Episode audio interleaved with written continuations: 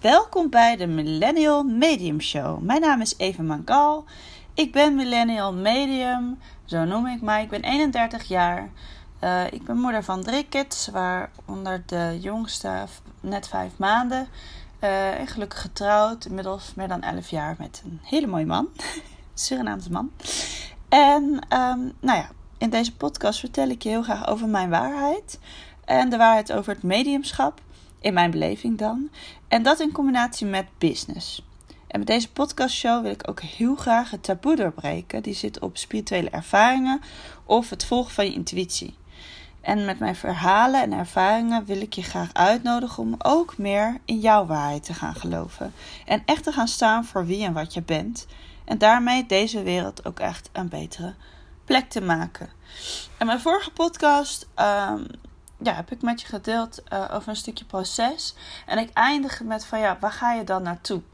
Ik eindigde met te vertellen dat ik zei van ik uh, kan heel ongeduldig zijn. Maar dat begint te veranderen.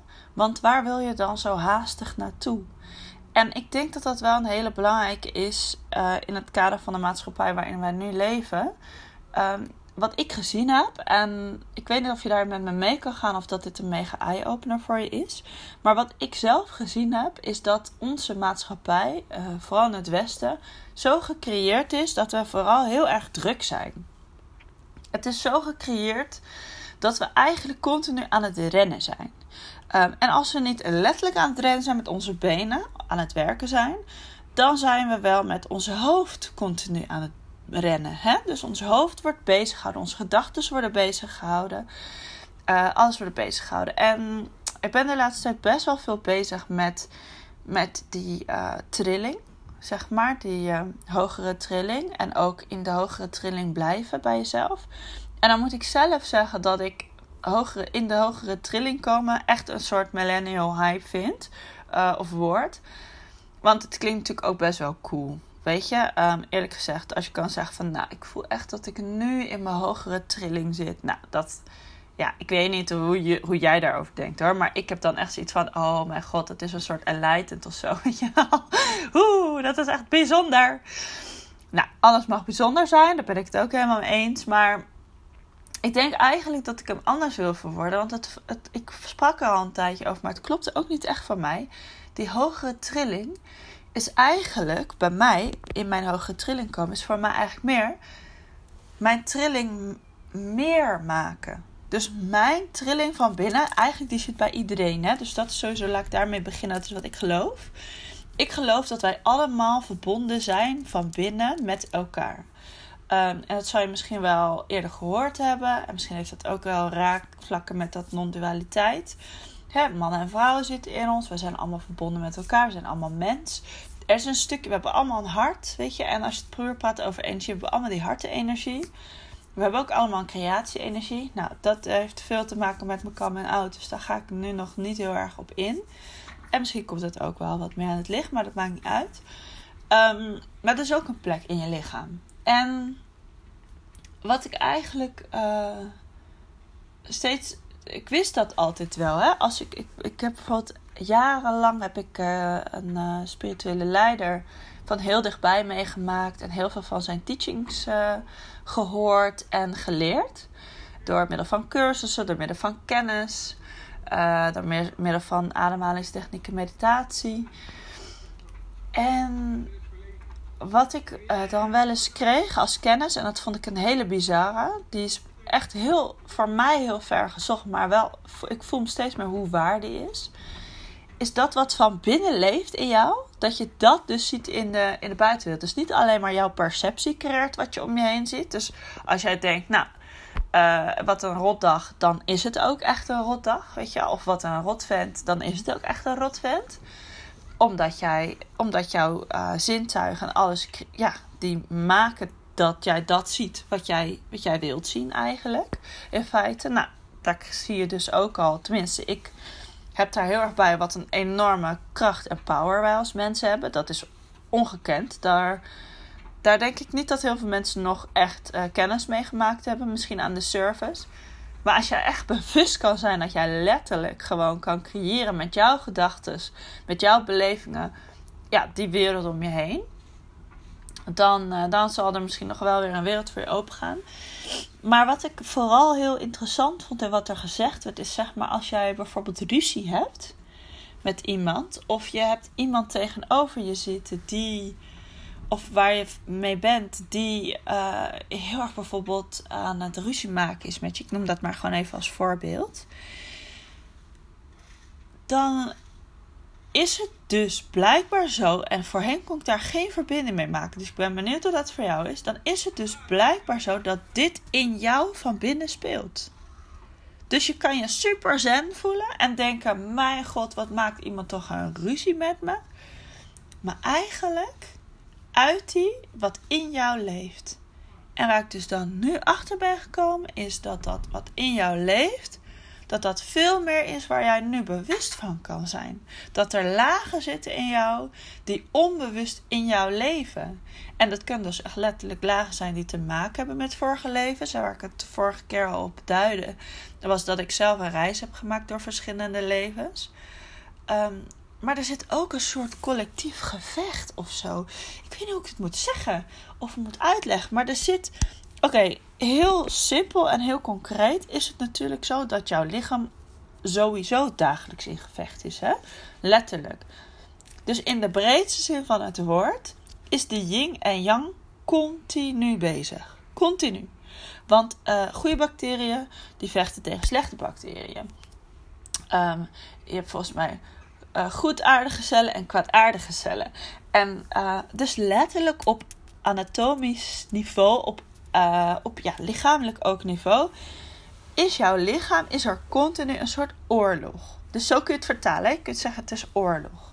Maar je kunt ook noemen dat is de dans en het spel van de liefde. Je kunt ook zeggen dat is de yin en yang. Je kunt ook zeggen dat is de up en down, zeg maar, die aan elkaar verbonden is in de beleving van het leven.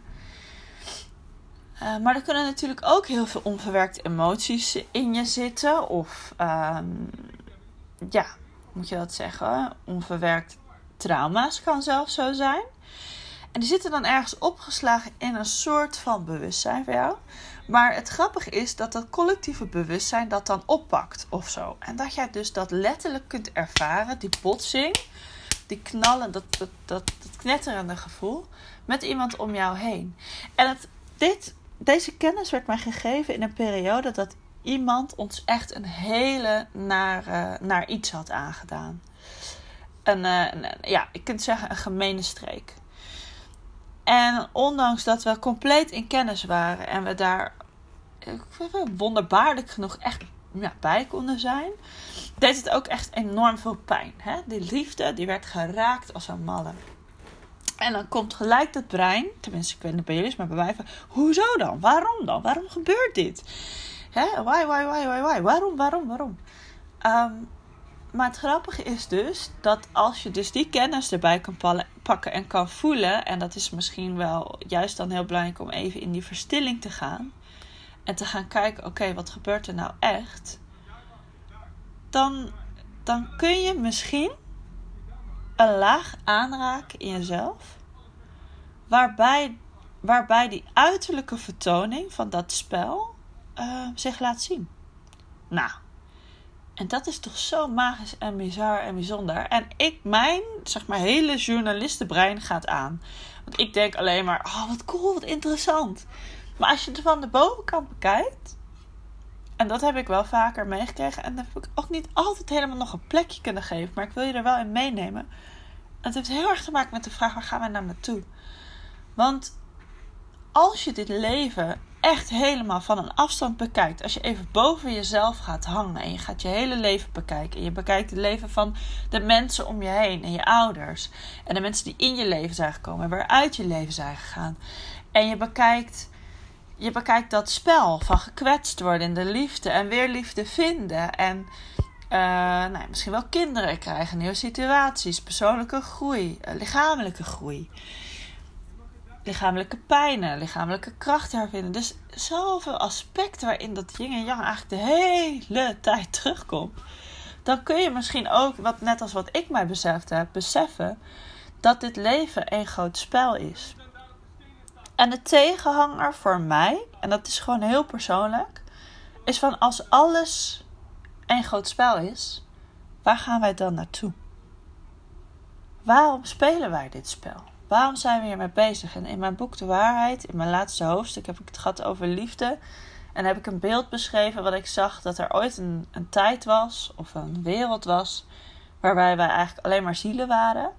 En dat ons contact, onze verbinding ontstond wanneer we langs elkaar heen, ja, misschien een soort van zweefden of zo. Het was eigenlijk alleen maar energievormen. En dat dit spel. En, en, en ik krijg ook beelden te zien, kennis te zien, uh, steeds meer en meer een beetje, dat dat misschien nog steeds wel bestaat. Uh, maar dat dat ook een plek is, zeg maar, waar je weer naartoe kan bewegen of zoiets. Nou goed, misschien is dat ook wel weer een vertaling, een letterlijke vertaling of een verhaal of een story om, zeg maar, enlightenment of verlichting in jezelf uh, te kunnen vinden. Want dat is natuurlijk ook een soort basis waar dan weer iedereen naar op zoek is of naar onderweg is. Maar ja, hoe zit dat nou met dat spel? Waar gaan we naartoe? En waarom hebben we zo'n haast? Weet je, uiteindelijk om terug te komen bij die maatschappij. Waarom heb jij op dit moment zo'n haast? Waar wil jij supersnel naartoe? Misschien heb jij nu een periode waarbij je de rekeningen niet kunt betalen die je wil betalen. Maar besef je dat die, dat systeem van rekeningen betalen, dat dat door iemand bedacht is, dat je daarin beweegt? Besef je dat het een soort systeem is om een soort iets in stand te houden, in gang te houden. En hoe kan je dan, als je daar nou eens van een afstand van boven gaat hangen, misschien ben jij wel iemand die op dit moment ruzie hebt met je moeder of met je vader of met je kinderen. Of misschien ben jij wel iemand die uh, problemen heeft op het werk. Of misschien ben je wel je eigen bedrijf aan het bouwen en ben je aan het zwoegen en het zweten. En begrijp me niet verkeerd, weet je, het is ook niet erg. Uh, het is ook heel mooi, al die momenten. Want ja, je krijgt er enorm veel kracht van, weet je. Dat zwoegen en dat zweet, het, alles, en dat is dus waar ik steeds meer achter kom. Alles wat niet fijn voelt en niet prettig is, daarin zit verborgen iets super positiefs. Alleen op de een of andere manier hebben wij, denk ik, nog niet echt geleerd om zo naar het leven te kijken. Um, en, en ik vraag me vaker af, steeds vaker luister, waar gaan we dan naartoe? Dus nou, als jij nou het, de antwoord hebt op die vraag, waar gaan we nou naartoe? In ieder geval wil je misschien delen van waar jij naartoe gaat, waar jij naartoe op weg bent. Dan uh, vind ik dat wel heel erg interessant om dat te horen eigenlijk.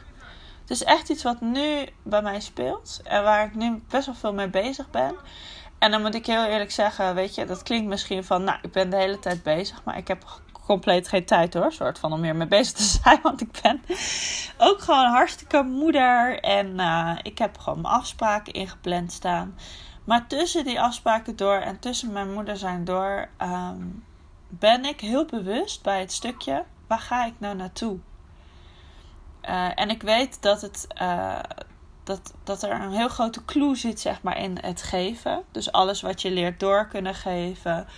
Um, ja, verlichting brengen bij anderen. Dus letterlijk ja, delen en ontwikkelen en evalueren. Daar zit een heel groot doel in, zeg maar. Dat is een doel op zich.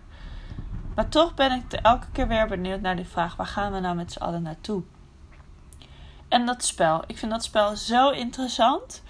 En ik, ik speel het spel, maar ook lang niet altijd bewust. Dus ik ben ook wel benieuwd, speel jij dat spel bewust? Uh, laatst had ik bijvoorbeeld, om het heel concreet te maken, dan sluit ik daarmee af. Laatst had ik een uh, coaching call. En uh, ik noem het even nu een coaching call, maar het was eigenlijk gewoon een kopje thee consult.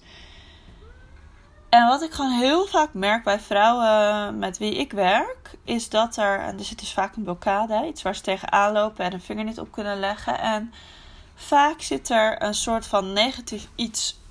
En in dit geval was er een uh, dame. En zij had best wel last van emotionele uitbarstingen. En dan als die emotionele uitbarstingen zijn, dan nou, in, het vrat heel veel energie. Maar tegelijkertijd was het ook een soort van, ja, dat kan niet langer zo, weet je wel. Dat moet ik helemaal niet hebben. En vaak wat ik dan ga doen is dat ik ga vragen van... Vaak zit er ook een soort verlangen bij. En dit was verlangen een soort van eenzaam, hè, eenzaamheid. En dan gingen we op doorvragen aan de spirits. En toen gingen we vragen van... Oké, waar komt dat gevoel van eenzaamheid van? Want meestal als Dit is ook iets wat ik uh, als coach heb leren kennen door de jaren heen. Als iemand een verhaal vertelt en er zit, er zit een soort uh, oordeel of oorzaak op iets. Dus bijvoorbeeld, uh, ik voel me heel eenzaam op sommige tijden. Maar in het dagelijks leven heeft die mensen veel mensen om zich heen. Uh, in de realiteit kan eenzaam zijn ook heel erg fijn voelen. Hè? Dus er zit iets op. Dat voel je af. Want ik voel dat dan. Er zit iets op. Dus daar ga ik dan op doorvragen.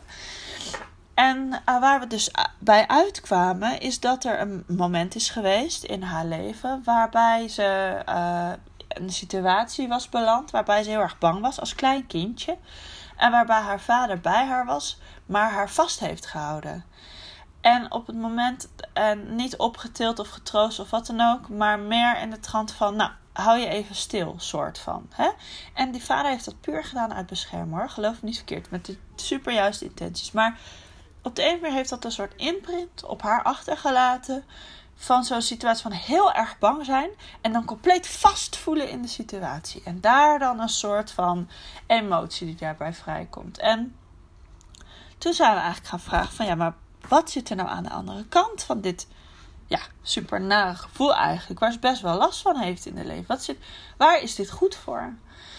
Wat is het talent wat daar? Want ik heb dus gezien dat vaak in zo'n situatie, of in deze situatie, want die situatie herhaalt zich dan maar op hele andere vlakken. En dan hebben we niet meer te maken met die situatie daar en toen. Uh, maar wel dezelfde emoties ervaren. En hoezo krijg je dat dan weer? Hoezo komt dat terug? Hoezo is dat een soort loopje die terugkomt? Nou, vaak wil er dan zich iets laten zien. En wat ik geloof, ervaren heb, maar ook veel gehoord heb dus in de sessies, is dat uh, daar een stukje talent van jezelf naar boven wil uh, gehaald worden. Stuk talent wil zich laten zien. Iets wat jij heel erg kan en hier te brengen hebt in deze wereld, op deze aarde. Um, en wat kwam er nou uit? Dat zij eigenlijk die kracht die ze daar voelde, waarbij ze zich eigenlijk een soort van vastwurgde, in die zin eh, het niet kwijt kon en toch dus kwijt ging en daardoor een soort van die paniek. Nou, heel die combinatie, die superkracht, die er eigenlijk voor bedoeld om haar te laten voelen hoeveel kracht ze daadwerkelijk in zich heeft. En dit was zo'n eye-opener. Ik zag letterlijk het beeld van hoe zij als een raket op kan stijgen. Nou, ik weet niet of jullie wel eens een raket hebben zien opstijgen, maar een kracht die daarvoor nodig is om een raket te doen opstijgen is immens. En deze vrouw is klein van stuk. en, zij, en, en het is een thema in haar leven ook dat ze zich vrij onzeker voelt. Maar zij mag dus heel erg voelen. Eigenlijk is het een cadeautje verpakt in een, een rotzooi verhaal, zeg maar in shit, letterlijk. Um, waarbij ze dus kan voelen hoe immens krachtig zij wel niet is. En op het moment dat zij die kracht toe mag laten en mag uiten op heel veel dagelijkse momenten. Dus als het er mag zijn van haarzelf, als ze het in liefde mag ontvangen, dat was het antwoord. Dan komt dat ook in balans. En dan is die schommeling van die heftigheid en die emoties op momenten dat ze het niet fijn vindt en eigenlijk niet wil hebben, die is er dan helemaal niet meer zoveel. En dit is voor mij een typisch verhaal. Dit is heel in het klein concreet toegespitst naar één persoon, één leven, één blokkade. Maar dit zie ik dus gebeuren als een soort van een wave in alle aspecten van het leven. Dat dat, dat, dat rotzooi, die shit, dat dat echt elke keer dat cadeautje in zich heeft. In alle aspecten van het leven. In je lijf, en misschien ga ik iets heel gek zeggen, maar zelfs als je super ziek bent en het gaat echt niet meer, daarin zit iets. Daar mag je iets mee aan het licht laten komen. Zo erg. En als ik dit nu zeg, en ik weet niet of dit chockerend is of niet, maar ik ga het gewoon zeggen omdat ik het doorkrijg. Het is mijn waarheid. Is dat dat ziek zijn of dat ontzettende pijn hebben in je lichaam een mega wake-up call is. Want dat kan je voelen. En nu is het tijd om het te voelen. Mega, mega, mega. Dus nou, daar wil ik mee afsluiten. Heel erg bedankt voor het luisteren. En uh, laat me even weten wat je ervan vindt. Volgens mij kun je reviews plaatsen. Uh, en laat me daarin gewoon even weten of je er wat aan gehad hebt. Je kan me ook opzoeken op social media. Ik zit op Instagram eva.mangal. En uh, op Facebook. En dan ga ik nu een, een klant bellen die een Q&A heeft met haar Spirit Guides van een uurtje. Dus jullie ook een hele fijne dag. Heel veel plezier. En tot de volgende podcast. Dankjewel voor het luisteren.